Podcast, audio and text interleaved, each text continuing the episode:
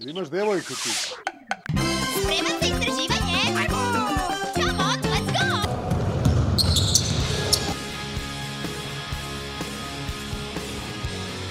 Just gonna go out, get my blood, sweat, and tears.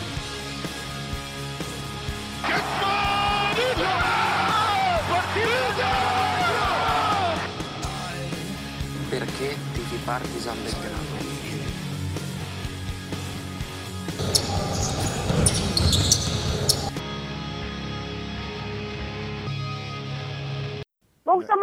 nešto Yes, sir.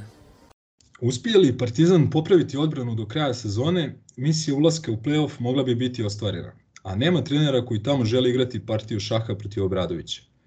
Obradović u modernom vremenu nikako nije stariji gospodin Sjede Kose koji se vratio u Partizan odraditi počasni krug da bi zatvorio puni krug i simbolično završio monumentalnu karijeru. Ovaj Obradović je možda lucidniji nego ikad prije. Sve ono što je on godinama stvarao u košarci i što je možda bila i avangarda, sada je mainstream. Pa tko je onda bolji igrač od njega u toj igri? Ovako je svoj tekst za portal velike priče završio Toni Lazarušić. E, tekst se zove Crno-beli svet u košarkaškom umu Željka Obradovića i ako niste pročitali, a mislim da veliki broj e, ljudi koji ovo slušaju je i pročitao taj tekst, ovaj, ja vas iskreno e, savjetujem da to što pre učinite. Uglavnom, čovjek koji je napisao ove, ove prelepe redove i sigurno jedan od najboljih košarkaških analitičara mm, na internet nebu bivše Jugoslavije, pa ajde kažemo i Evrope, Toni Lazarušić ponovo je gost košarkaške klinike Partizan Hysterical. Ovaj put tema je, mislim, jasna kao dan, to je predstojeći četvrtfinalni duel e, Partizana i Real Madrida u okviru Eurolige, e, zaista jedan izvanredan moment u kome se e, nalaze igrači i navijači Partizana zaslužilo jedan, da kažem, jednu specijalnu epizodu podcasta u kome bismo detaljno izanalizirali i možda prognozirali neke najbitnije aspekte tog, tog duela. E, tako da o toj partiji šaha koju će Željko Vradović igrati sa trenerom Reala Mateom, sa Tonijem. Toni, hvala ti puno na izdvojenom vremenu i spremnosti da ponovo govoriš za naš podcast. Pa hvala tebi na pozivu i drugi put i hvala na tom uvodu s tim da taj kraj teksta koji se stvarno puno puta kvotovao i na Twitteru i i šerao i na Facebooku i ne znam, na društvenim mrežama, baš taj zaključak. E, jedna zanimljiva priča je da sam ja njega pisao, pa ja mislim sat vremena, možda i više. Jer htio sam poentirati s nečim, s nečim što je bitno za Obradović u prošlosti, jer tako je donekle bio koncipiran cijeli tekst, ali povezati nekako i sa onim što predstoji, Što, što, što je sadašnjost ili što će biti u budućnosti. Tako da, što nam se kaže, ja sam propišao krv dok sam to, to napisao, ali eto, na kraju očito je ovaj, na dobro ispalo, s tim da je tekst kao tekst bio čisti zicer, jer no, nije taj, ja, ja to uvijek kažem, meni Obradović stvarno Željko fascinacija i, i, i, tako da ga je bilo vrlo lako napisati sve dok to, sve do tog e, zaključka, do tog kraja. Da, da, mislim da sam čuo ili pročitao negde podatak da je ovaj tekst najčitaniji tekst, je li tako? Ovaj, je. Od pokretanja portala velike priče. Da, hvala ovaj grobarima i ostalima koji su čitali. Da, ovaj, zaista fantastičan tekst i kažem opet, e, svako ko nije pročitao, mada mislim da neće biti mnogo takvi koji će poslušati ovaj podcast, e, neka to, neka to zaista što preučine, učine jer dosta su, dosta su propustili. E, zaista fantastično analizirana sezona dosadašnja Partizana i ta neka igra, koncepcija trenera Obradovića. Uglavnom, ajde, ajde sad, eto, ono, dosta toga si rekao kroz taj tekst, mada on je bio prije neka možda dva mjeseca ili tako, mjeseci mhm, i po dva. Ovaj, eh, eto, Partizan je uspio da uđe u taj playoff eh, koji si pominjao, Partizan je uspio da malo digne eh, odbranu, što si isto apostrofirao kao jedno od glavnih ključeva, jedan od glavnih ključeva svakog budućeg uspeha Partizana. Partizan je uspio da ne bude najlošija odbrana Euroligije na kraju po, po naprednoj statistici, ali ono što je naravno posebno e, pohvalno i što treba istaći je da je Partizan najbolji napad e, pa ajde neki opšti utisci o, o igri i sezoni Partizana, ovaj, bilo je tu i uspona i padova, ali eto, na prethodna 3-4 mjeseca delo je da je Partizan u sve boljoj formi, da sve više deluje kao ekipa, i na kraju taj plasman u playoff i nije predstavljao neko preveliko iznenađenje imajući sve to u vidu. Da, pa taj nekakav, ajmo reći prvi od dva, ja bih rekao, cilja za ovu sezonu je ostvaren, to je ulazak u play-off, Iskreno, moram ti priznat da na početku sezone to nisam očekivao. Očekivao sam tu možda prije neke neke ekipe koje su, ajmo reći, bogatije budžetom i imaju više iskustva tipa Armani ili Virtus. E, međutim, e, još jednom se pokazalo koliko je trener bitan za, za cijelu sezonu i kako se tempira forma mislim, po tome je Obradović i poznat, što njegove ekipe igraju najbolje onda kad je najbitnije. A upravo sad počinje taj period sezone kad je najbitnije i već su se dobro zagrijali za, za ono što im slijedi. Pa usponi padovi, mislim svaka ekipa ima, ima, ima takve uspone i padove u sezoni, jednostavno se ne može dogoditi da ne, ne bude neka crna rupa gdje ćeš izgubiti nekoliko utakmica u nizu, gdje će se neki igrači ozlijediti, neki će past u formi, ali onda slijedi uzlazna putanja i sad je samo bitno koliko je se može, koliko je se može održavati. E, Partizan, točno to što si rekao, ono, cijelu sezonu, najbolji napad e, u Euroligi, gotovo cijelu sezonu, mislim da su bili broj jedan, ono, Sjećam se od prve utakmice kad sam pogledao ili nakon nekog malo većeg uzorka stvarno taj ofenzivni rating je bio među najvišima. E, problemi u obrani, da, ali taj napad je uglavnom bio često dovoljan da, da se dobiju da se dobivaju utakmice. S tim da je bilo onih ružnih perioda, stvarno za navijače Partizana kada nije bilo baš lako gledati gdje je možda kod nekih čak i poljuljana vjera u Obradovića ili u cijeli ovaj projekt. E, međutim, po meni prekretnica sezone, ne znam je se ti možda slažeš sa mnom, utakmica protiv Efesa u Istanbulu. E, u Efesa u Istanbulu ili Beogradu? Ovaj, Uh, ne, ispričavam se protiv Fene. Protiv Slažem se, da, da, da, da. Mnogi apostrofiraju, mnogi apostrofiraju tu utakmicu protiv Efesa u, u Beogradu, uh, možda i sa pravom, zato što je to, to je bilo znači, na skoru 4-9 i nakon serije od recimo 7 poraza u 8 utakmica Partizana u, u, u oba takmičenja. Da. Uh, I stvarno je bila nam je preko potrebna jedna pobjeda protiv, to jest bilo kakva pobjeda, a posebno e, pobjeda na dvostrukim uzastupnim osvajačem Euroligije, ali, ali opet e, ta sljedeća utakmica protiv Fenerbahčeja tamo je mhm. bila podjednako važna zato što je to druga pobjeda na strani. Pre toga Partizan je uspio samo da pobedi Panathinaikos u Atini mhm. i to ono na neverovatan način bila je tu svega i svačega u onoj završnici e, sa pola koša. E, a Fener je do tog momenta bio, čini mi se, prvi na tabeli, međutim tad su upali one male probleme sa povredama, čini mi se da tad nije igrao Wilbekin ili se tek vratio da. pa je odigrao malo lošije, Gudurić je odigrao također neku lošiju utakmicu, još neko im je tu falio i mi smo to uspeli da, da, da iskoristimo i to je jedna od najboljih odbramljenih utakmica Partizana, mislim da smo na kraju primili da 72 poena ili tako nešto. Mhm.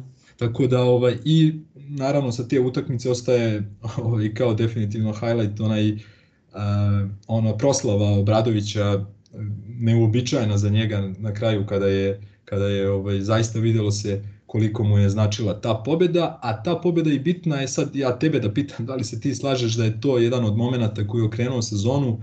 Eh, to je bila prva utakmica Aleksa Avramovića u Euroligi. Da. Imao je neke stvarno dobre minute u drugom poluvremenu na kraju uh, ispostavilo se i poene sa, sa bacanja za pobedu mhm. i sa njegovim povratkom i sa povratkom Smajlagića Partizan je dobio dosta širu rotaciju, dosta kvalitetniju rotaciju, što je jeli, uh, neophodno za 34 kola Euroligi. Da, apsolutno, mislim, obojica su bitni koncepcijski igrači za ovo što Partizan želi igrati li Avramović ti nudi tu nekakvu opciju na 1-2 combo back koji e, je nekako okomiti osim egzuma jeli, od ostalih. Jel, može, može bolje napast sredinu, baciti povratnu, pa onda zna imati te vruće šuterske momente.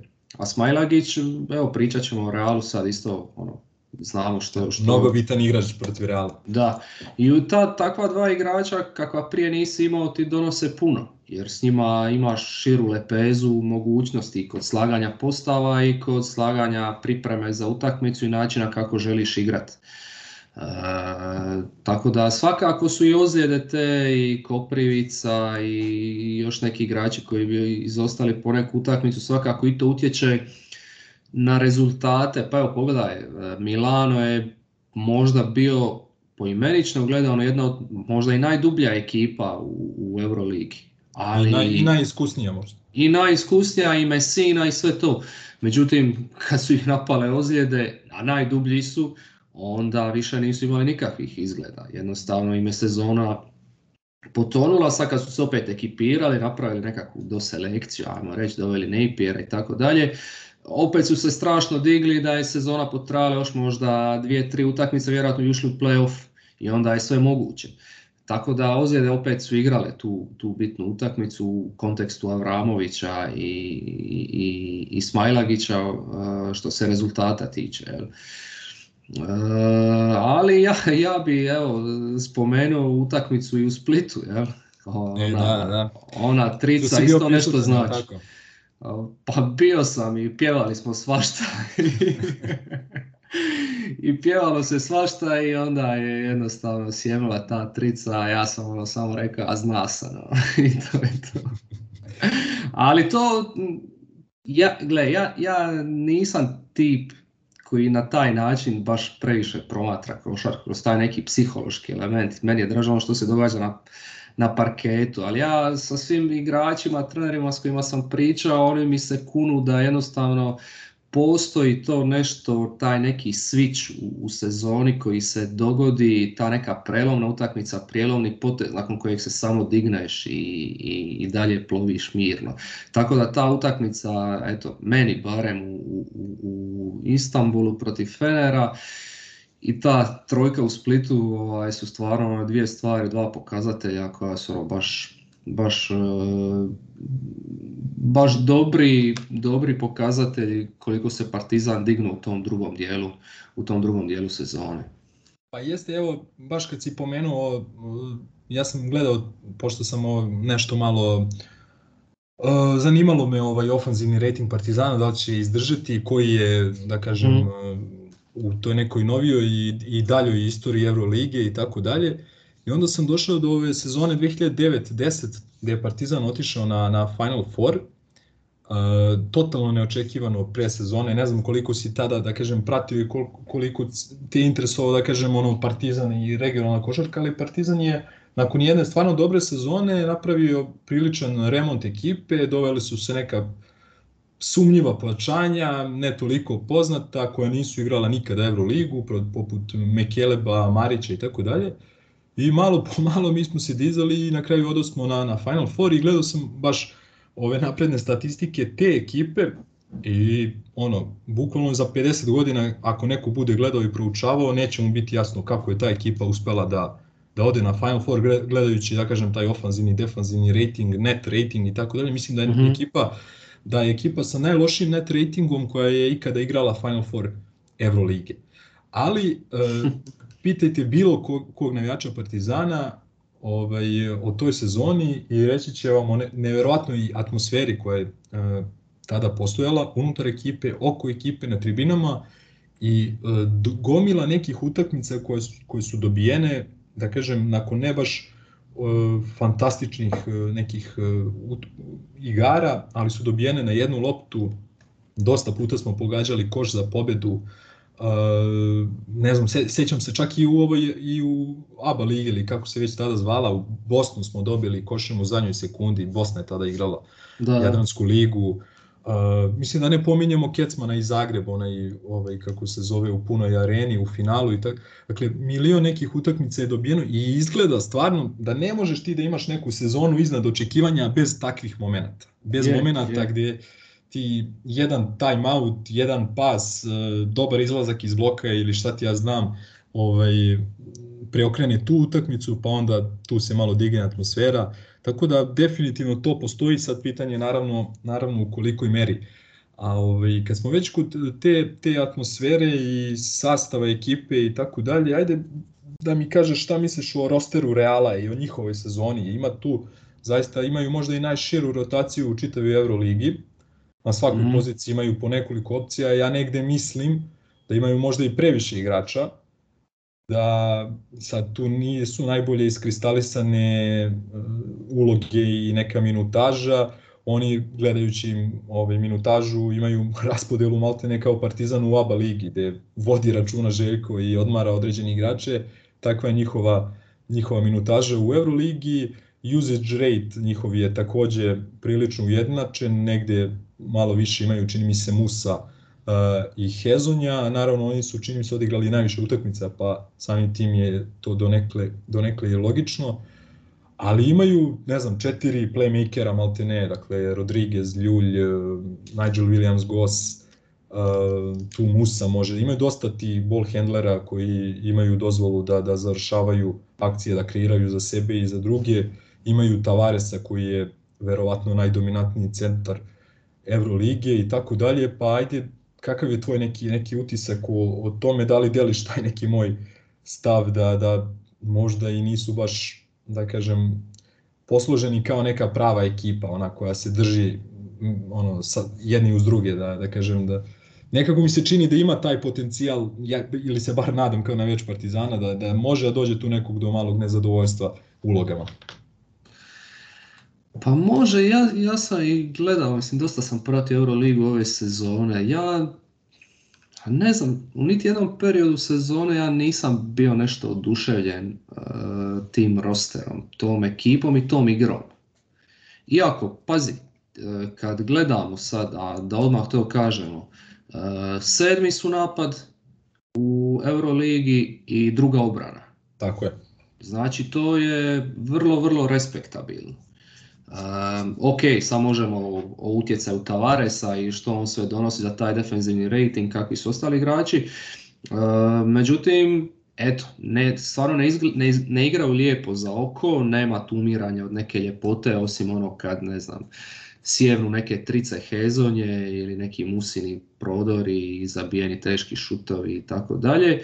Ehm, Real već par sezona zapravo slijedi ono što je, ajmo reći, Laso, oni su samo nastavili sa ono što je Laso počeo, znaš, ono kad su prije imali Dončića, Kampaca i takve bekove, e kad su izgubili te bekove, oni su potpuno promijenili nekakav identitet. Oni su sad, ti si nabrao te sve njihove playmakere, međutim, tko od njih igra tu bitnu rolu? Njima Hanga starta ako play.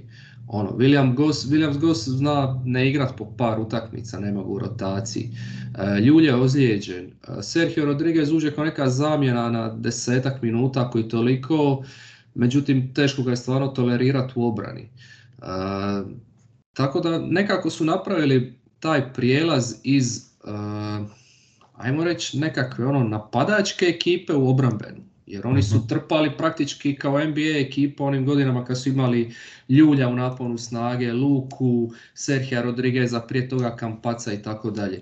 J.C. Carroll. J.C. Carroll, tako. To su ono sve bili brutalni igrači što se napada tiče. Mogli su svima zabiti koliko god treba.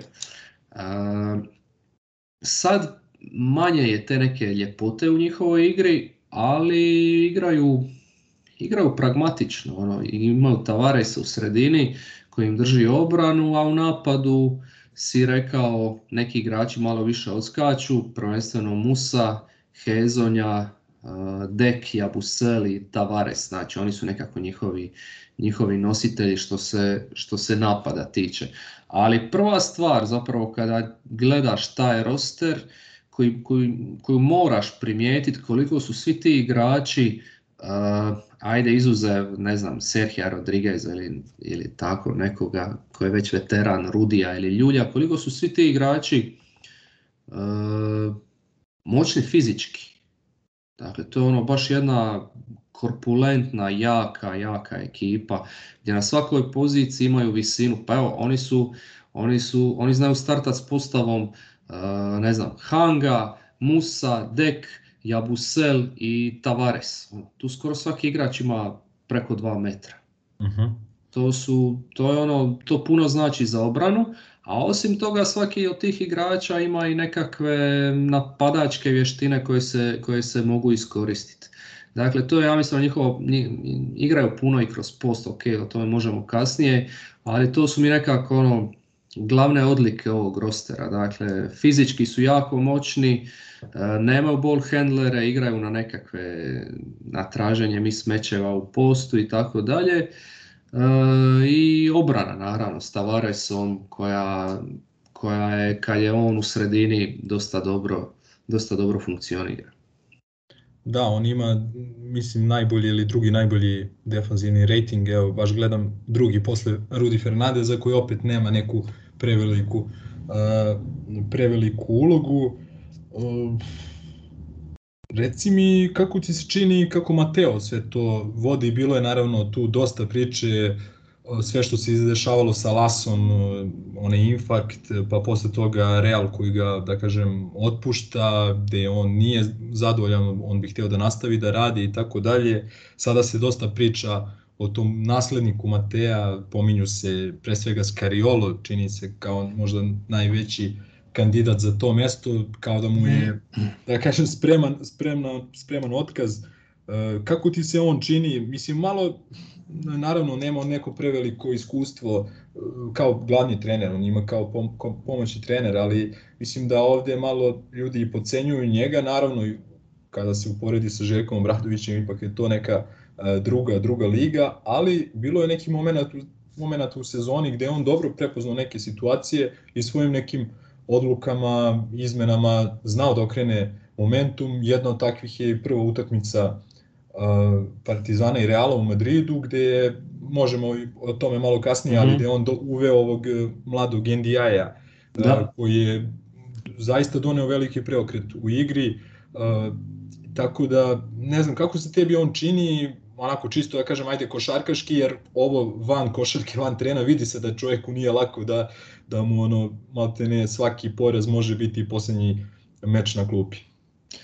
A jebi ga, ono, znaš, prva sezona kao samostalni trener, odnosno možda nije prva, možda griješim, stvarno nisam ovaj, toliko upućen njegovu karijeru, znam da je bio dugo godina Lasu asistent, ali preuzeti Real Madrid i odmah imaš velika očekivanja, nije lako sad ni da si Skariola, ne Mateo.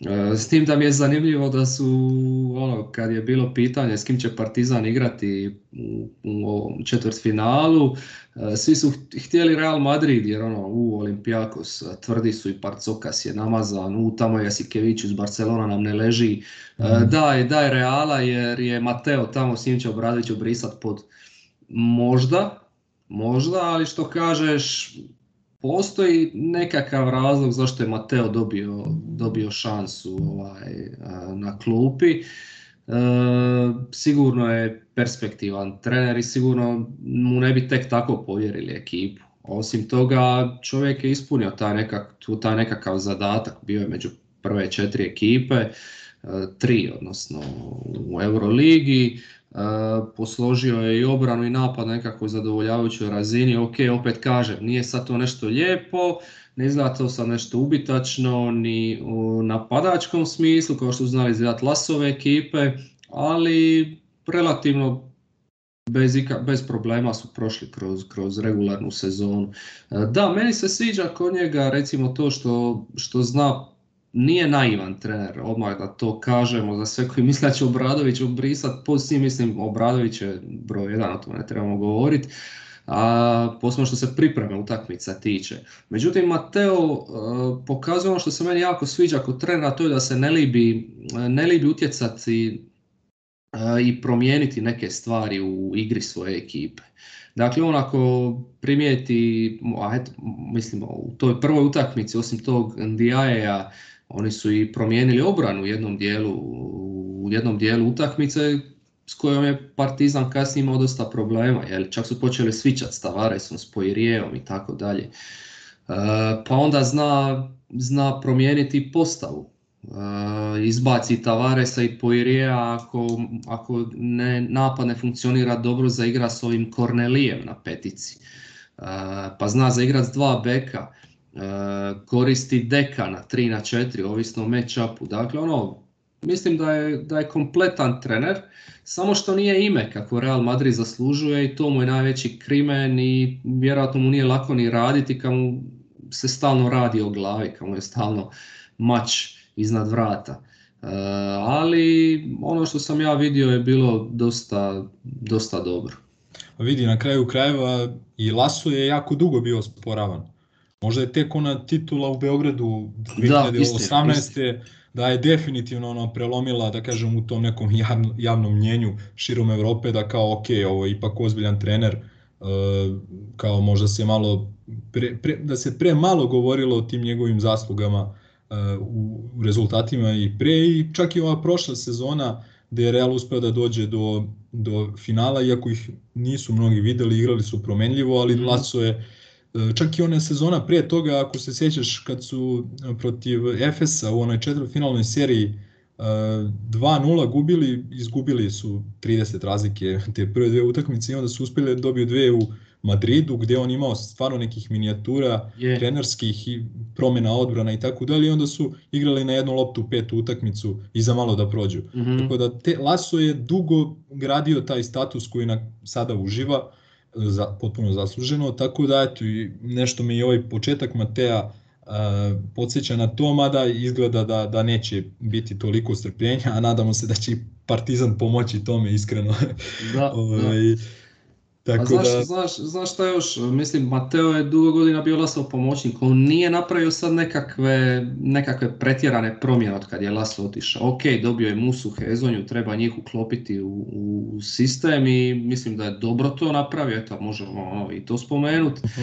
Ovaj, tako da on zapravo njegov nasljednik. Ovaj, ovo je ekipa koju je većinom utrenirao Laso i Mateo tu nema nešto sad razloga pretjerano mijenjati. E, znam da su ljudi skeptični jer je ruki trener, jer nema još nekakav razvijen identitet, nije osvojio puno stvari, e, ali kaže, ono što vidim neka tijekom utakmice od njega i način kako koristi postave i neke igrače i kako je voljan promijeniti, ne boji se promijeniti obranu ako, ako misli da je to prihvatljivo, to su me nekakvi signali da se radi o o, o dobrom treneru, o stvarno dobrom treneru. Slažem se. Ovaj, eto, već smo se dotakli malo e, te prve utakmice e, Reala i Partizana, pa ajde da se osvrnemo na ta dva e, duela koje smo imali u okviru regularnog dela Euroligi između Partizana i Reala. Bile su to dve utakmice na ogroman broj poena. Prva je završena rezultatom 105-97 za Real Madrid, dok je druga završena 104.90 e, za Partizan. Partizan je uspeo e, da ove sezone e, postigne najviše poena neke ekipe protiv Real Madrida i tek je sad Barcelona čini mi se dala 97 ovaj, u ovom poslednjem El Klasiku i dao je Makabi sada 100 poena, ali nakon, nakon produžetka mislim da su dali 83 ili 4 u regularnom, regularnom delu jasno je kao dan na osnovu i tih rezultata, a i same igre i onoga što se videlo na terenu, da je Partizan imao odličan plan za e, te utakmice i ono što je bilo posebno interesantno jeste da je Partizan zaista insistirao da napada Tavaresa, koji je, da kažem, važi za jednog od najboljih defanzivaca Evrolige, koji važi za jednu, jednu najdominantnijih pojava Evrolige i koji zna da natera protivnika da mm, na loš šut, na neku nervozu, na e, jednostavno utiče na, na protivničke napade, to ne da nije bio slučaj protiv Partizana, naprotiv e, Partizan ga je uspešno napadao, e sad bolje ga je branio u drugoj utakmici, sveo ga je na samo jedan šut iz igre i na samo sedam poena e, ukupno e, u toku utakmice i uveo ga je u problem sa ličnim greškama što je također značajno uticalo na rezultat na rezultat te utakmice. Ja bih istakao u prvoj, prvoj utakmici jednu po meni nelogičnu odluku, ako se ne varam, e, e, Tavaresa je Mateo stavio kao primarnog defanzivca na Ledeja. Je. A tada je Brodzijanski, Brodzijanski je tada bio u petorci Partizana koji je tada igrao, da kažem, čistu peticu, da kažem, poziciono kod nas, međutim, da li su ga oni smatrali da je to onaj Brodzijanski iz da je igrao isključivo četiri, pa je e, Korneli, čini mi se, bio na njemu najveći deo i mhm. Partizan je zaista dosta poena postigao preko Ledeja napadajući Tavaresa. Isti slučaj je bio i u Beogradu kada je Smajlagić iz tog nekog pick and popa postizao trojku ili ga je napadao e, ta njegov close out. Eh, sa Lesorom recimo ako ne prođe pick and roll onda Lesor primi loptu pa ide onaj grenade eh, Lesora za nekog Pantera recimo ili Papa Petru ako ju također napada eh, Tavares Generalno bio je neke, čini mi se da je ideja Partizana bila da se natera Tavares da što više trči i da što više vremena provodi van van reketa. I to je zaista funkcionisalo i Partizan je eto da odigra dve od možda najboljih napadačkih Uh, utakmica ove sezone baš protiv Reala uh, u prvoj, u prvoj četvrtini te prve utakmice u Madridu uspio da postigne 40 poena, ako se ne varam to je najefikasnija četvrtina ili najefikasnija prva četvrtina u istoriji Eurolige rezultat je bio 40-32 uh, i tako dalje, pominjao si te neka, ta neka prilagođenja E, Mateja, različite odbrane, pomenuli smo NDI-a, pomenut ćemo ovim, sada i, i Ljulja i ta njegov učinak u prvoj utakmici ide je promenio apsolutno tok utakmice sa onim svojim uh, ludačkim e, momentima u ranom napadu, trojkama preko ruke, razigravanju ostatka ekipe i tako dalje. I treba istaći da je Partizan u prvoj toj utakmici igrao bez Smajlagića i Aleksa Vramovića, dok je Real u drugoj utakmici bio bez Ljulja i Nigel Williams Goss. Ovaj, tako da pitanje koliko su je bilo koja od te dve utakmice potpuno relevantna za ono što ćemo gledati u ovoj seriji, ali eto, koje su tvoje neke zapažanja iz te dve utakmice? E, pa ovo je općenito zanimljiv matchup jer kao što smo rekli e, sastaju se prvi napad i druga obrana lige. Dakle Partizanov prvi napad i druga obrana Eurolige. S te strane je jako zanimljivo. E, pa da, to je, to je nekako ono, ta priprema o kojoj pričamo kod Partizana Obradovića i njegovog stafa. Oni za svaku utakmicu imaju baš pripremljeno što i kako žele napadati i kako braniti. To često znaju biti potpuno drugačije akcije, drugačiji koncepti korišteni i tako dalje. Po tome se ono super vidi, ako, ako pratiš malo te stvari, baš se vidi koliko ekipa ulaže u, u to da za svaku utakmicu budu spremni. I, I, to je ono zanimljivo što je Obradović nije razmišljao kako da izbjegnemo Tavaresa i ne razmišlja tako nego kako da njega napadnemo, jer on je ključ. E, Zašto je Tavares ključ? E, kada gledate kako Real Madrid brani e, pick and roll, samo treba pogledati e, što rade tri igrača koja ne brane loptu. To je, to je suština cijele obrane Real Madrida. Dakle, ta tri igrača stoje striktno uz šutere dakle dvojica na weak side ili jedan na weak side, dvojica na strong side, ovisi na koju stranu ide pick and roll. Dakle, ta tri igrača stoje striktno u šutere i Real Madrid radi takozvanu izolaciju obrambenu pick and rolla da brane striktno 2 na 2, bez puno pomoći.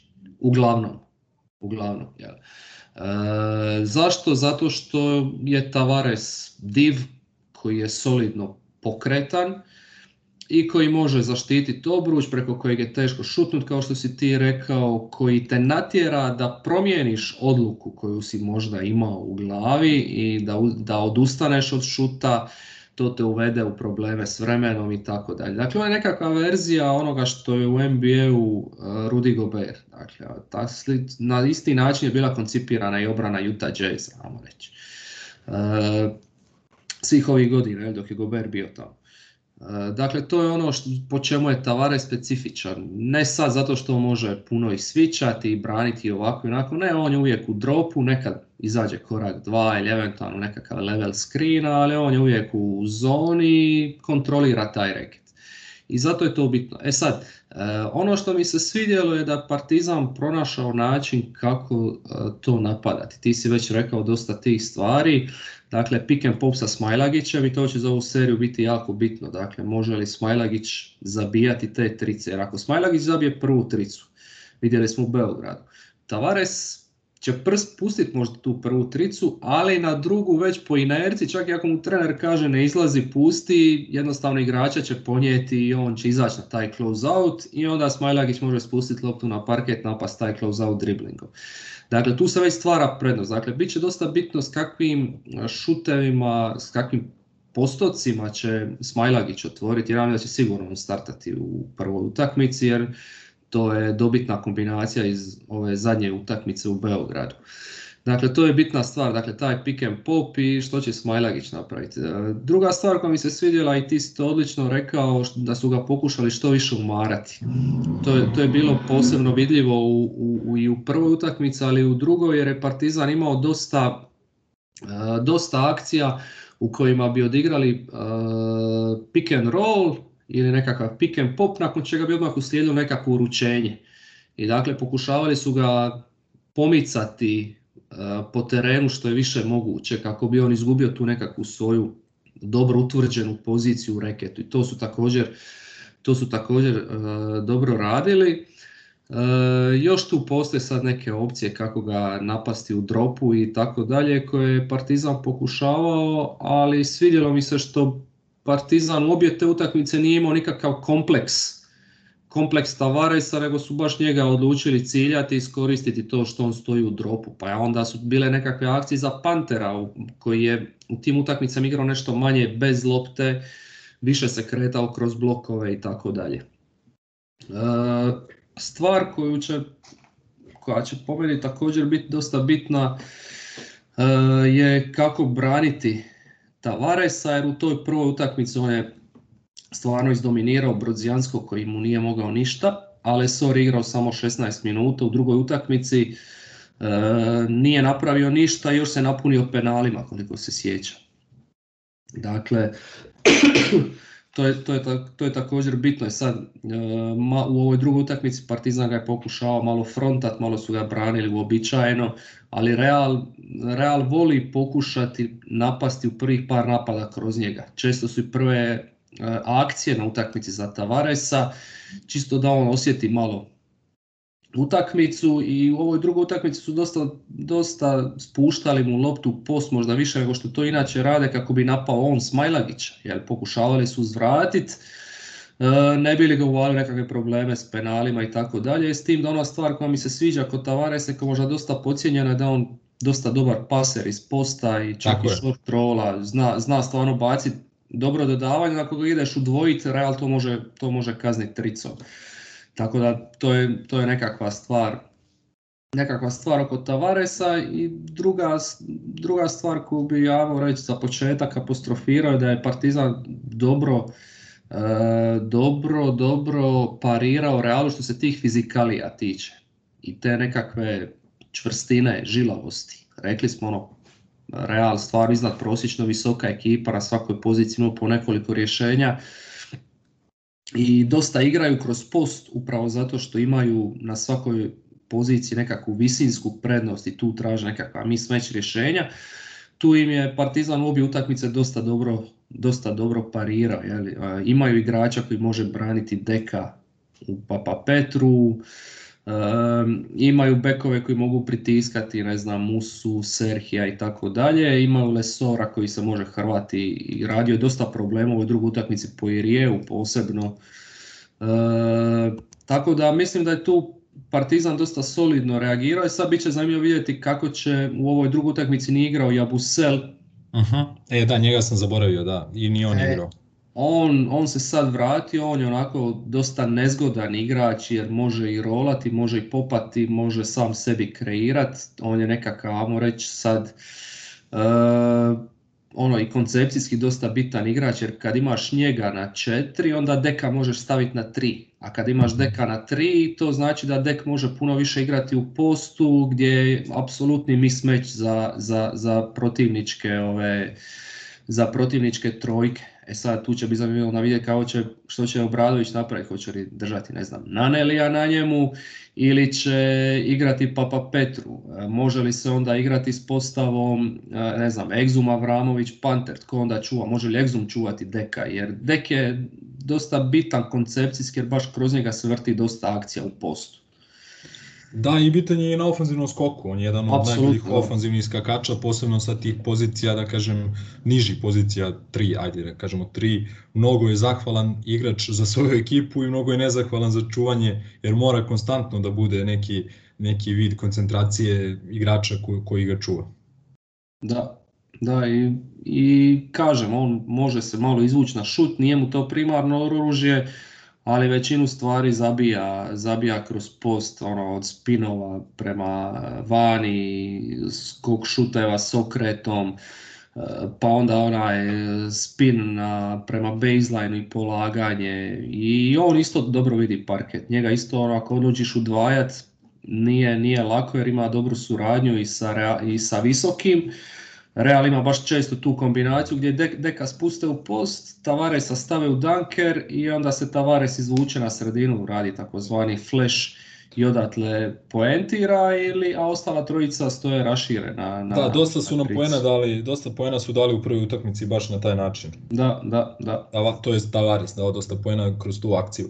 Da. Ove, ovaj, E, kažem opet, ove dvije utakmice pitanje koliko su, koliko su relevantne baš iz tog razloga što je bilo dosta e, da kažem, odsustva igrača i sa jedne i sa druge strane u obe utakmice, ne znam, Brodzijanski je u prvoj utakmici igrao 22 minuta gotovo, a znamo i svi da odavno nije član Partizana, ne znam, Naneli je u prvoj utakmici igrao 32,5 minuta, Papa Petru 12,5, dok je u drugoj Eh, njihova minutaža bila onako raspodeljena 22, po 22 minuta. Andžušić je recimo u prvoj utakmici igrao 30 minuta, protiv Reala u Beogradu samo 7 eh, i generalno Andžušić igra dosta manje eh, u posljednje vreme i da kažem, teo bi da te pitam šta misliš i šta očekuješ kolike će rotacije koristiti oba trenera. Ajde da pretpostavimo da će Real da Real mora da igra sa, sa nekom širom rotacijom, bar 10-11 igrača, jer prosto ta imena donekle nekle i očekuju da budu određen e, procenat vremena na parketu, ali šta misliš Partizan? E, Željko je znao neke playoff serije i neke utakmice na Final, Final ovima sa Fenerbahčanom da igra sa rotacijom od osam igrača, praktično i ajde da kažem, taj deveti uđe ono, na neki specijale odbrambene ili tako nešto. E, ova ekipa Partizana u ovih 12, ajde da kažemo, Tristan e, nema, e, Tristan nema preveliku minutažu kroz Euroligu, Andjušić ima sve manju, e, sve, minutažu i učinak. Madar opet ima utakmice je odigra 20 minuta, ima utakmice da odigra 5 minuta i tako dalje. Dakle, ajde koje su ono tvoje, koje je tvoje neko mišljenje koliko će uh, koristiti igrača i u kojoj meri imajući u vidu protiv koga igra? Mm Pa da, ja, e, ja mislim da si ti na dobrom tragu što se tih nekih igrača tiče koji će imati samo počasnu ulogu odnosno uče eto tek toliko da odmijene na 2-3 minute nekoga ili u slučaju problema s osobnim pogreškama, ali da će se rotacija ipak malo skratiti u odnosu na ono što smo, što smo gledali do sad. Recimo, ako su svi zdravi, rekli smo ajde Vukčevića ne računamo, on i nije uopće praktički ni igrao. E, Madar bi mogao biti interesantan ovoj seriji jer može, e, jer može ti nekakvim skok šutom s polu distance rješavati e, Tavaresov drop. Međutim, ne znam koliko se on uklapa u defenzivnu filozofiju ako Partizan želi svičati i on je igrač koji Real može napadati u obrani upravo kroz tu neku post igru i traženje, traženje mismeća kroz njega. E, Anđušić mi je isto zanimljiv igrač zato što mislim da obje utakmice odigrao jako dobro, posebno u, u Realu protiv njih. Dakle, iz nekog razloga im leži, on odgovara mu Real. I on je tu zanimljiv i koncepcijski on upravo taj tip igrača koji se može nakon bloka dignuti na šuta. Rekli smo da, da Real drži Tavaresa često i Poirijeja u dropu i on bi mogao biti taj koji kažnjava ili koji eventualno i napadne sredinu pa se onda sa polu distance digne na taj šut. E, ali po meni će Obradović tražiti e, tu way rješenja. Dakle, prvenstveno tu way rješenja igrača koji mu mogu nešto dati i u napadu i u obrani. To je, to je jako bitno u playoff seriji gdje su protivnici dosta izjednačeni i gdje više takvih igrača, što više takvih igrača znači što manje upadanja u minuse, znači da što manje protivniku daje šansu da te negdje napada, jer mislim igrali su dvije utakmice, sad su se sigurno do najsitnijih detalja pripremili jedni za druge i svi znaju sve o svemu. Tako da me neće iznenaditi recimo ako Mateo uopće ne bude koristio Serhija Rodrigueza, ali me neće ni iznenaditi ako Obradović odluči da ide bez, e, bez Andžušića, bez e, Madara koji su imali nekakve role u Euroligi, upravo zato što ne žele ponuditi na pladnju e, nekakav minus koji protivnik može eksploatirati. Tako da u svakom slučaju očekujem da se, da se rotacija skrati, posebno kod Reala koji stvarno nekad, ono, Mateo, ajmo reći, zna pretjerat, onda koristi i Abaldea, i Hangu, i, Kozera, i Ljulja, i Rudija, i sve ih promijeni. Mislim, to je takva ekipa, to je, to je takav roster gdje ti moraš tim igračima koji su toliko plaćeni i koji možda ima nekakve prijašnje zasluge za nekakve uspjehe i zbog mira u slačionici, moraš dati nekakve minute, ali sad u play-offu mislim da će se rotacija skratiti, uostalom kao i uvijek kad se igra za nešto bitno, onda odabereš one koji su spremni za rat i s njima ideš, barem, barem u prvoj utakmici dok ne vidiš dok ne vidiš što si dobio. Da, pomenuo si, pomenuo si taj širok roster, ono što eh, treba reći, E, širok roster Reala, e, treba reći da su Nigel zgosi Goss i Ljulj izašli iz povrede, da su počeli da treniraju negde tamo uh, oko u vreme poslednje kola Evrolige, tako da će oni i biti na raspolaganju. Bila je neka, sada igrali su protiv Girone pre neki dan, čini mi se da mhm. nije bilo Deka, Hezonje i Poajea. ovaj poslednji ima neku operaciju ću te sad da li slepo crevo ili tako nešto i mislim da neće da neće e, biti spreman za ovu seriju, ostali bi trebali, e, trebali da budu e, spremni. Nigel Williams Goss recimo dobro poznato ime igračima Partizana, on je taj koji voli da napada kroz post, jedan mhm. od igrača koji zaista tih spoljnih koji ima, ima taj to oružje u svom arsenalu, i to je pitanje da li, mada ima dar, recimo koliko god izgledao koliko god izgledao inferiorno fizički, on ne da se u tom, da kažem, na tom postu odbrambeno, zaista se ne da. I nekak, da, on je žilav. dosta, nekako mu je, teže mu je tako dati koš nego e, napasti ga, ovaj, e, da kažem, na perimetru ovaj, probiti ga u toj nekoj prvoj liniji odbrane. Ali da, ostaje da se vidi, to je jedna od nepoznanica, da kažemo, velikih znakova pitanja koliko Željko vidi njega u ovoj seriji, a onoga ko sigurno vidi je Panter, to ne treba ni, ni, ne treba pardon, diskutovati o tome, Panter će biti izuzetno bitan igrač i odbrambeno i napadački za Partizan u ovoj seriji. sad sam teo da te pitam, pošto ga je Real dosta napadao recimo u onoj prvoj utakmici, je. Cross kroz switch da je on recimo ostajao dole sa dekom, to je ajte da kažemo e, ono bez dileme odmah se napada, ne treba se razmišlja. Napadali su ga par puta u izolaciji, čak je i Abalde, evo sad sam baš to istakao kao jedan kuriozitet, Abalde koji ima najmanji usage rate u Realu, on je dobio jednu izolaciju da napadne Pantera, nešto slično kao eh, Exum što ima ono eh, na levih 45 demočiste, pa ona da, da, da, se te akcije, zapisao sam baš to dok sam gledao tehnicu. Eto vidiš. Eh, pa su ga slali negdje kroz Teger kada je recimo bio na Hezonji kada je Željko pokušao malo da snizi petorku pa kroz te neke zoom akcije gdje je bio na Musi i tako dalje utisak je da njega vide kao potencijalnu slabu tačku Partizana odbrambeno i dosta su ga napadali i imali su, da kažem, rezultate u toj e, prvoj utakmici, pa eto, šta ti misliš o tome, o toj ideji, da li misliš da će ostati verni tome i koliko će uspeha imati?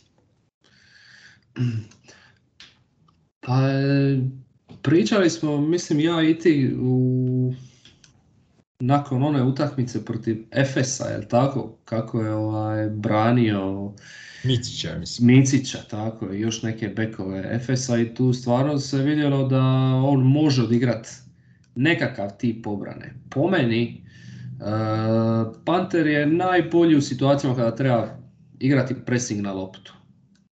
E, ali isto tako primjećujem kroz ove utakmice Partizana da su upravo njega e, najviše cilja u toj obrani kada treba napadati jedan na jedan. I to je radio i Mateo posebno u utakmici broj 2. Rekao si taj raritet da Balde dobije nekakvu napadačku akciju i on ga je tu probio, položio. Bilo je zanimljivo što se dogodilo nakon toga.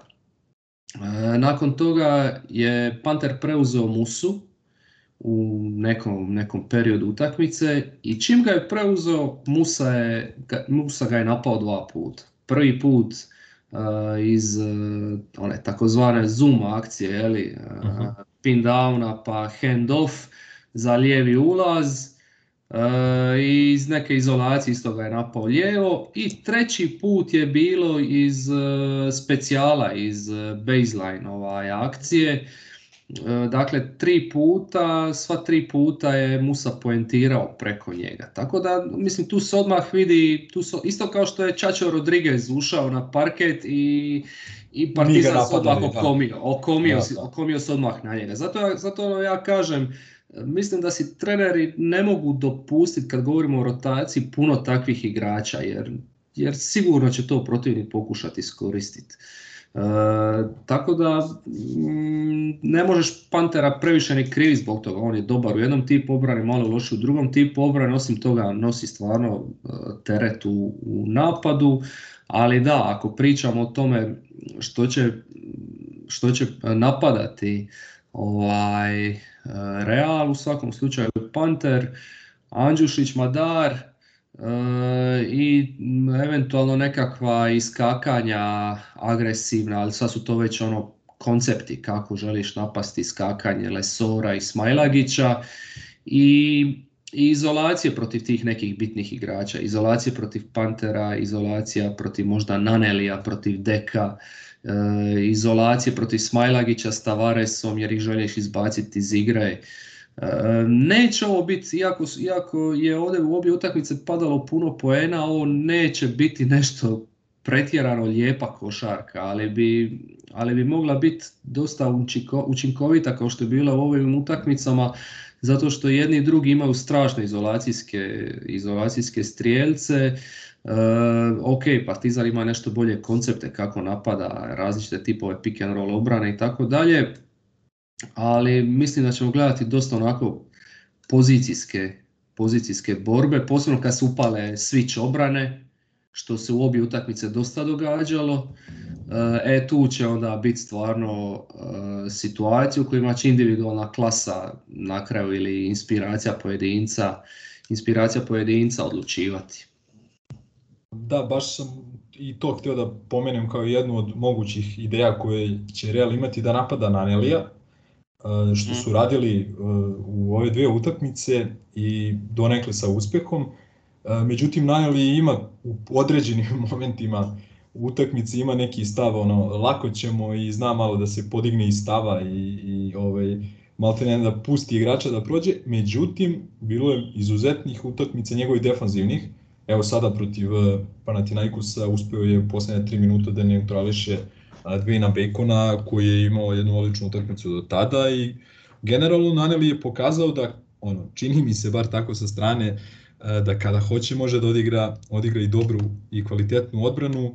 E, naravno, što se odbrane tiče, očekujemo i veliki doprinos e, Aleksa Avramovića, treba nam jedan pouzdani Zekle Dej mhm. i naravno Lesoru, Sviću koji baš i ti imao si par e, klipova koje si sekao i, i kačio na svoj Twitter nalog gde si rekao da jednostavno nekada zna i da pogreši i da malo da. E, što se kaže zapliva, ali opet ta njegova energija je neverovatna. Neverovatna i, i recimo meni se čini da je e, ta promjena kada je on počeo da igra switch odbranu protiv Efesa u Istanbulu, dakle u ovoj sad skorašnjoj utakmici, gde je pojao, ne znam, Micića i Larkina u par poseda, gde maltene nisu videli koš, a mi s druge strane napravili neku seriju 6-0-8-0, da je to definitivno prelomilo utakmicu.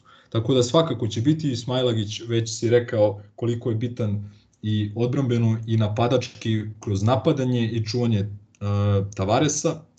Ovaj, on je isto neko ko, ko je izuzetno agresivan na to odbrani pick and rolla, mislim da je apsolutni rekorder po broju onih ukradenih lopti Mhm. E, ovaj, na samom piku, na, na toj liniji e, blokade i sve to će nam trebati u nekom, nekom dobrom, dobrom, e, na dobrom nivou. Gde vidiš neke šanse Partizana? Pričali smo dosta o tom napadanju Tavaresa i uspehu koji je imao Partizan ove dve utakmice. Gde vidiš još neke slabe tačke Reala? Pomenuo si je Rodrigueza, gde je stvarno bilo jasno na druga četvrtina, pre svega ove utakmice u Beogradu gde smo ih pojeli apsolutno i non stop ga napadali i taj posebno kad su oni i Tavares zajedno u igri taj pick and roll e, nisu imali apsolutno rešenja za, za njega e, ali ajde opet smo se ugradili i pretpostavili da Rodriguez neće imati preveliku e, ulogu i minutažu ali opet ni Ljulj ni Williams Goss nisu poznati kao bog zna kakvi defanzivci. Ljulj je mhm. bio, Ljulj je bio Kažem da, u ovoj fazi karijere. Da, u ovoj fazi karijere ne.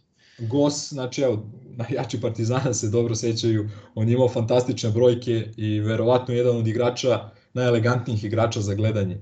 Ovaj, što se tiče igre u napadu, ta njegova rešenja, pick and roll, eh, poludistanca, pa i šut za tri poena, pa onda iz posta kako zna da napada protivničke playmakere, asist, broj asistencija, lucidnost, fantazija. Ali opet s druge strane u odbrani tada kada je igrao u Partizanu, redko kad je uspio bilo koga da odbrani u igri 1 na 1. Naravno, malo je poboljšao i te aspekte svoje igre, ipak je igrao u fantastičnim i ozbiljnim klubovima za ozbiljne trenere, ali ja i dalje vidim tu kao potencijalnu šansu Partizana da se napada, kažem opet, Williams Goss pa i Ljulj, koji opet izlazi iz povrede i pitanje u kakvom je i fizičkom stanju. Je, pa to su, to su ti nekakvi, ajmo reći, eh, što se personala tiče, bekovi, posebno kad Real počne svičati, tu onda e, Partizan ima šanse spuštanjem lopte u post, e, napast, napasti njih. E, ali ne samo njih, recimo Hezonja zna ima dosta problema u obrani bilo kakvog tipa koja nije switch. Uh, mislim, njega nije... možda uvlačiti kroz neke pin blokade. Apsolutno, Ume da mu onako koncentracija padne malo da zasluva. Koncentracija mu padne tako, ja, ja nikad neću zaboraviti, e, ja sam ono, puno pratio Unix zbog e, Perasovića i njega, ovaj, e, i E, Unix isto imao u jednom periodu sezone prekretnicu kada su počeli, ono, baš su ubijali sa rezultatima i ušli bi u playoff da nije bilo tog rata. Ja ajmo, nema veze, e, kad? Kad su upalili svić obranu. I onda to ljeto sam e, vidio jer dolazi na kavu u restoran u kojem radim i on meni govori da je taj switch apsolutno bio prekretnica i da Real mora sa Hezonjem igrati switch jer on u tome najbolji jer je ogromno tijelo i jednostavno nekad e, nema koncentraciju da odrađuje druge obrambene zadatke. Real ne igra uvijek switch, na, posebno na ovim off-ball screenovima i tako dalje i tu je nekakva šansa da se eventualno i to iskoristi ili nekakva njegova nepažnja na weak side i tako dalje. Musa također, Musa je igrač koji nosi dosta velik teret u, u jer je praktički jedini onako pravi, ajmo reći, e, ball handler, kreator na perimetru koji može e, igrat pick and roll koji može zabiti distance, koji može razigrat napas sredinu i tako dalje. E, njega se također može u nekakvom sviću napasti ili tako dalje. Osim toga, E, dosta će toga ovisiti koliko Partizan može zabijati s polu distance, jer rekli smo e, Real ostavlja to sa svojom drop obranom. I jako bitna stvar je koliko će biti dobra Partizanova tranzicijska obrana. To je još jedan detalj koji je po meni dosta bitan. Zašto? Zato što Real igra trećim najbržim ritmom u Euroligi. Dakle, igraju dosta brzo, traže rješenja jer imaju atlete, imaju visoke igrače, fizikalce koji su u ranoj fazi napada odmah spuštaju post, idu u brzo rješavanje. E sad ako Partizan tu uspije svesti njih na nekakvu pozicijsku igru, half court napade, mislim da im tu, da im tu onda, eh, onda rastu šanse. Eh, I meni recimo Poirier nekad, nekad zna plivat onako u obrani, e, gubi fokus i u toj drugoj utakmici on ima dosta problema s Lesorovom energijom, toliko da je, da je Mateo odustao u jednom periodu utakmice od njega, bacio Kornelija. Tako da ima tu, iako kažem opet, to je, ne možemo pobjeći činjenica je to e, druga najbolja obrana Eurolige i s razlogom su tako dobri, ali to su te neke stvari koje Partizan može napadati ili evo kao što, je, što sam spomenuo u obrani što bi trebao moći iskontrolirati da bi si povećao šanse poput te, defenzivne tranzicije i, i napadačkog skoka Reala. Jel? Tavares je uvijek tu, ogromno tijelo, Eh, imao nekoliko igrača koje šalju iz pozadine po skok, recimo Hanga koja, koji nije prijetnja, Eventualna na trici, Balde, Deka si ti spomenuo, svi dosta često znaju se iz, eh, iz pozadine zaputiti zaputit taj, na, taj napadački skok, posebno ako igraju protiv ekipe kao što je Partizan koja zna igrati često i sa tri beka na, u formaciji i tako dalje. Tako da ono, dosta je tu, dosta je tu nekakvih detalja i match-upova koje će, koje će vrijedit e, pratit, a onda će kasnije biti zanimljivo gledati i prilagodbe trenera na to sve i to su čari playoff. A kad smo već kod čari play i e, prilagodbi trenera, ja moram da te pitam, mhm. Željko Bradović vidio si već sada sigurno milion puta taj podatak, 20 od 21 e, u play-off serijama u Euroligi i, i uopšte, ja mislim, u, u evropskoj košarci. E, jedan od razloga koji si ti pomenuo u tom svom e, tekstu koji smo pominjali mm jeste sigurno to da on insistira da se ono da se da igrači čitaju situaciju na terenu, da prepoznavaju potencijalni mis meč da li što se tiče fizike ili što se tiče nekog talenta, da se napada, da se insistira na tom napadanju E, najslabijeg defanzivca ili da kažem te neke najveće razlike e, u našu korist, odnosno u korist e, svoje ekipe. I sad Željko to insistira tokom čitave sezone i u ovim nekim utakmicama ABA lige on zna da popizdi, ono, da, da, da zatraži time out kada, da kažem, realno nema neke takmičarske e, važnosti, ali ako šta ume da ga iznervira, to je da igrač nije prepoznao određenu situaciju, nije prepoznao određenu prednost.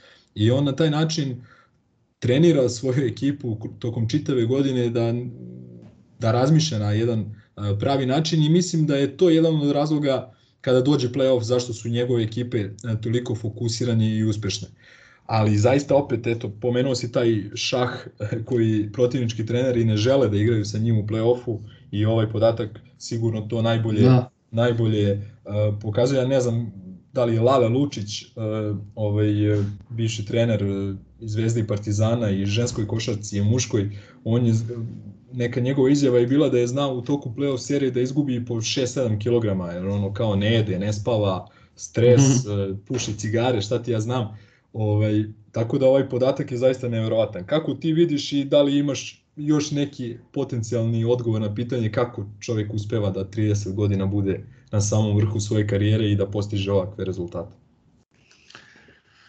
Ha, ha, e, Znam nezahvalno pitanje. Znam da. E, gle, e, ja sam u tom tekstu pokušao to nekako najjednostavnije objasniti. A to je e, da Obradović, dakle u tom tekstu za velike priče s kojim smo počeli ovaj podcast, da Obradović jednostavno želi da njegova ekipa igra pravu košarku. E, a što je to prava košarka? Prava košarka je ona košarka koja stavlja, e, koja stavlja naglasak na proces a ne na rezultat. E, e sad, rezultat je nus pojava tog procesa. Ali ako proces nije bio dobar, rezultat možda hoće u jednom periodu biti dobar, ali kad sad će ti stići na naplatu to što nisi odradio nekakve osnovne zadaće. I ja sam taj tekst počeo sa situacijom protiv Zvezde gdje, gdje Obradović u zadnjem napadu prvog poluvremena e, ludi na Ledeja jer je ovaj otišao iz desnog kornera, trebao bi u desnom korneru. Što se događa u nastavku akcije, Ledej baš u tom desnom korneru dobije loptu i zabije tu tricu s kojom se Partizan odvojio, ne znam, na plus 6-7. Ali što se događa kad Ledej zabija tricu? Obradović ga doslovno psuje. Zato što je skoro zajebao proces. Mhm. Ne, bez obzira što je on Pazi, u većitom derbiju, s istekom napada, ideš na plus 7, dobivaš momentum, ne znam što sve tu se može navesti još kao ono, psihološka prednost i što sve. U takvom momentu, takav trener eh, pizdi, da tako kažem, eh, igraču, jer iako je zabio tricu, nije bio na pravom mjestu gdje je trebao biti na početku akcije, nego ga je on dozvao i rekao mu da stane tu. Ok, ta akcija je mogla otići u bilo kojem drugom smjeru, ali postoji razlog zašto taj igrač treba biti tu. Mhm. Ja mislim da je to, da jednostavno ono, opet da se vrati na taj tekst što sam ja napisao, on je prešao igricu. On o košarci više, on ju živi, ja i dalje sam siguran 24 sata, ali on, ja ne znam ili on ima više što naučiti. Jel on, jel ja, ja ne mogu zaboraviti njegovu izjavu sa klinike koju je držao u, Istanbulu gdje on kaže obrana uvijek nešto nudi. I on traži od svojih igrača da znaju prepoznati što obrana nudi. Tako sebi slaže roster, tako koncipira e, napad. Ali sve je to jedan proces koji igrači moraju proći. I očito ima dobre metode i psihološke i trenažne i ima dobre ljude u stafu i tako dalje. Jednostavno je tu puno faktora, ali po meni je ključan ovaj da, da nekakve osnovne zakonitosti igre moraju biti, moraju biti zadovoljene i onda se može očekivati očekiva dobar rezultat. Ajde za sam kraj i finiš emisije da te pitam još dva nezahvalna pitanja. Prvi je prognoza ishoda ove serije. Au. Znači, mm. zanemari to što si, da kažem, po znacima navoda u grobarskom podcastu. šta misliš, to reci slobodno, pa ćemo da vidimo kakav si prognoza. Eh, samo mi reci kako izgledaju serije. 2-2-1, jel? Dvije, yes. 2-2-1. I evo, e, eto, možda je pravo vreme da kažem da je Real e, ima tri poreza na svom terenu e, u toku ove Eurolige. Interesantno je da mi, čini mi se, ako se ne varam sada, nemam ispred sebe rezultate, ali čini mi se da su prve dve utakmice izgubili od da li Olimpijakosa i, i Virtusa u Madridu. Mhm. I onda su vezali pobjeda zaista dosta na domaćem terenu sve do one Baskonije kojih ih je dobila ovaj, onom trojkom Kostela, čini mi se, i koja je nama malo zakomplikovala tada matematiku oko prolaska u, u play u top 8. E, dakle, relativno dobra domaćinska ekipa i naravno znamo tradicionalno to neko suđenje koje španc, španski timovi imaju koje nije nikakva tajna. E, tako da će veliki podvig ako se uzme jedan break, a jedan break je neophodan Partizanu da, da, da da. Pa slušao sam da ta dvorana u Realu i ta publika nije sad nešto onako da, nabrijana i prevaga, da, da, da, tako da s te strane Partizan može biti miran ovako. Eh, ova prva utakmica koja se igrala tamo eh, je bila tri dana nakon što, dva dana nakon što se igralo protiv Barcelonu u Barceloni, tako i mhm. nije baš nekakvo mjerilo rezultat barem nije nekako mjerilo jer Partizan u drugom e, periodu utakmice pao, igrali su i bez Smajlagića, Vramovića i tako dalje. Međutim, ono uz obe utakmice što meni nekako daje, imam nekakav osjećaj, možda griješim, mislim, nije uopće bitno, ali da Partizan stvarno nije baš dobar match-up e, Real. Uh, jer Partizan ima rješenja i za njihov napad i za njihovu obranu.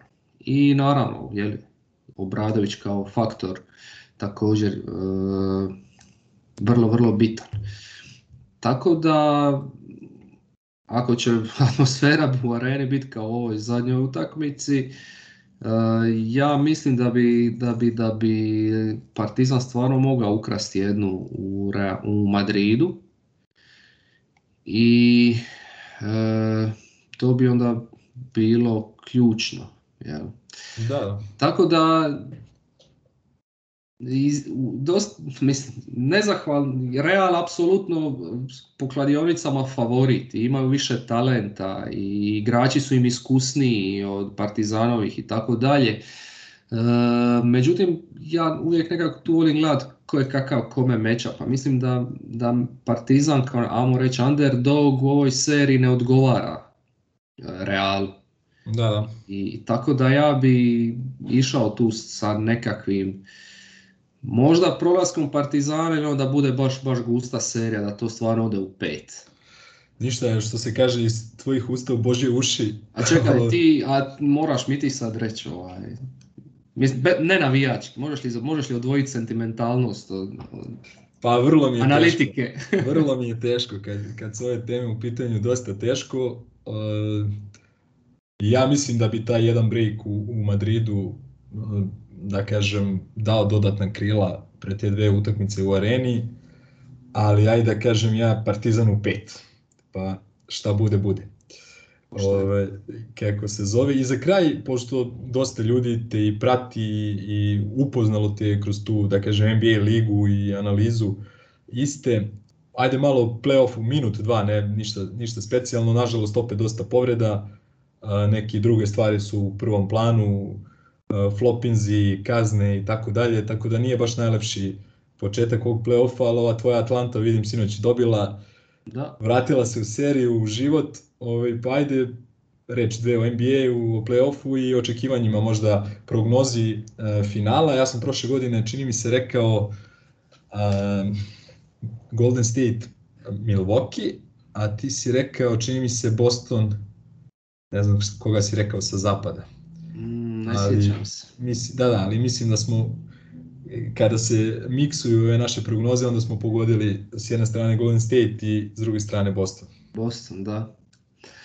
E, pa playoff e, super, stvarno ima dobrih utakmica, mislim, e, evo spomenuo si Boston i Atlantu, Atlanta je pala bez ispaljenog metka u prve dvije utakmice, sinoć su tek ono, bolesno šutirali i, i, i uspjeli su skinu uzeti tu jednu i mislim da će to biti jedino ovaj, koju će dobiti, ali dobro, nikad ne znaš što se sve može izdogajati. Denver, Minnesota nema nekakvu, nema nekakvu uh, neizvjesnost. Pa jer... dobro, boga mi druga je bila malo onako, bila je, vodila je Minnesota u onoj posljednjoj četvrtini, ali je, da, sve je. vreme neki utisak da, da je Real, da je Bože Real, da je Denver, da Denver ipak, ipak da Denver da to kontrolira, da. i Filadelfija i Brooklyn također jednosmjerna ulica, ovo ostalo je sve više manje u nekakvom ratu Mm. Tako da ono, možda neočekivano malo za, za prvu rundu, e, iako mislim na kraju će favoriti isplivati svi osim e, Clevelanda jer New York stvarno mi se čini da je pronašao, pronašao e, recept za njih. Vamo se ozlijedio Kawhi Leonard, to je šteta.